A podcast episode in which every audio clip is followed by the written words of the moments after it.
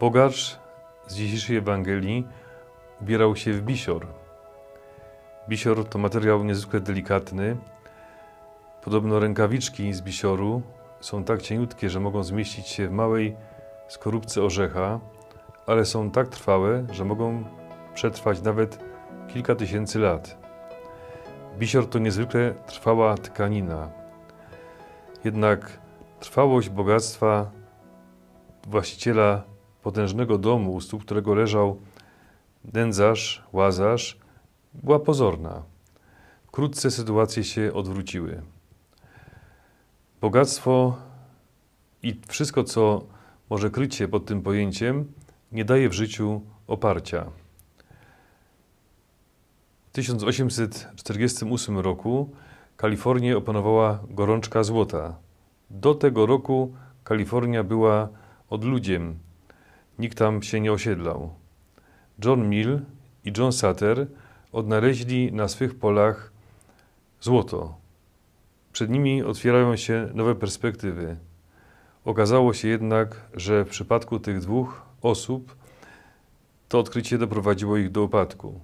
Początkowo chcieli zachować odkrycie w tajemnicy, jednak pewien człowiek, który dowiedział się o tym, że jest tam złoto, wziął próbki złota do butelki, następnie wykupił wszystkie sita i łopaty, obnosił butelkę ze złotem, mówiąc, że na polu Johna Satera znajduje się złoto.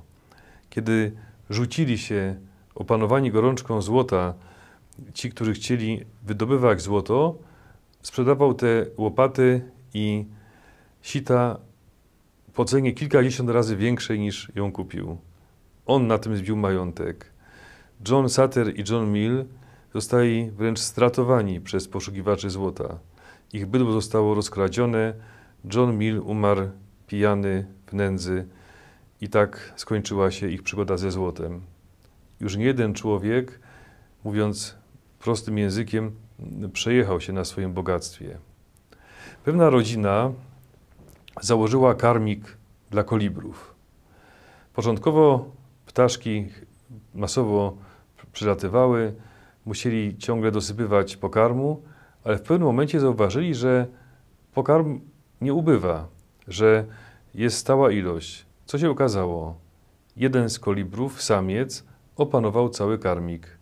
Siadł na, na najbliższej gałązce, obserwował karmik i gdy tylko jakiś inny koliber chciał podfrunąć i skorzystać z jedzenia, ten go atakował. Karmik był przez niego zawłaszczony.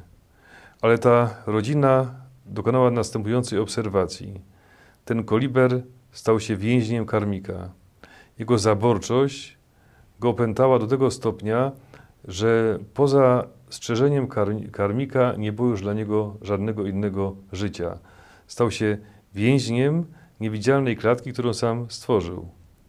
To w świecie zwierząt. Taka zaborczość, może oparta na instynkcie, prowadzi do tego, że zwierzę zaczyna funkcjonować jako więzień, w tym przypadku karmika, którego chroni, broniąc swego terytorium. A w przypadku ludzi, ilu ludzi zniewoliło bogactwo, zaślepiło do tego stopnia, że nie widzą biednego człowieka, który leży tak blisko i ma, może jedna setna majątku, czy jedna tysięczna mogłaby uratować mu życie. Moi kochani, perspektywa wieczności nadaje sens życiu. Jezus o tym mówi, że po śmierci, po krótkim życiu wszystko się zmieniło. Bogacz pragnął, by Łazarz zmoczył swój palec w wodzie i dał mu choć troszkę wody, bo tak bardzo pragnął. To obrazowe ujęcie pokazuje, co dzieje się tak naprawdę z człowiekiem bogatym. Myślę, że nie tylko po śmierci, ale już tu na ziemi. Moi drodzy, właśnie zmarł pan Franciszek Pieczka, wybitny aktor filmowy i teatralny. Na krótko przed śmiercią ukazał się z nim bardzo ciekawy wywiad w książce pani Katarzyny Stoparczyk. W wywiadzie pan Franciszek Pieczka mówi o tym, że nie boi się śmierci. Swoje przeżyłem, śmierci się nie boję. Mam nadzieję, że odejdę cicho i bezboleśnie. Liczę tylko na to, że tam w niebie spotka moją ukochaną żonę Henieczkę. Pan Pieczka przeżył ze swoją żoną, zmarła w 50 roku małżeństwa i myślę, że zgotuje mi tam przyjęcie. Pan Franciszek dodał, jeśli z życia by się odjęło transcendencję, życie nie ma sensu. Jeżeli życie okazałoby się tylko fanaberią chemii i fizyki, to takie życie nie ma sensu. Myślę, że pan Franciszek już wie, że życie ma sens, spotkał się ze swoją żoną i jest szczęśliwy w tym miejscu, do którego tak pragnął dotrzeć.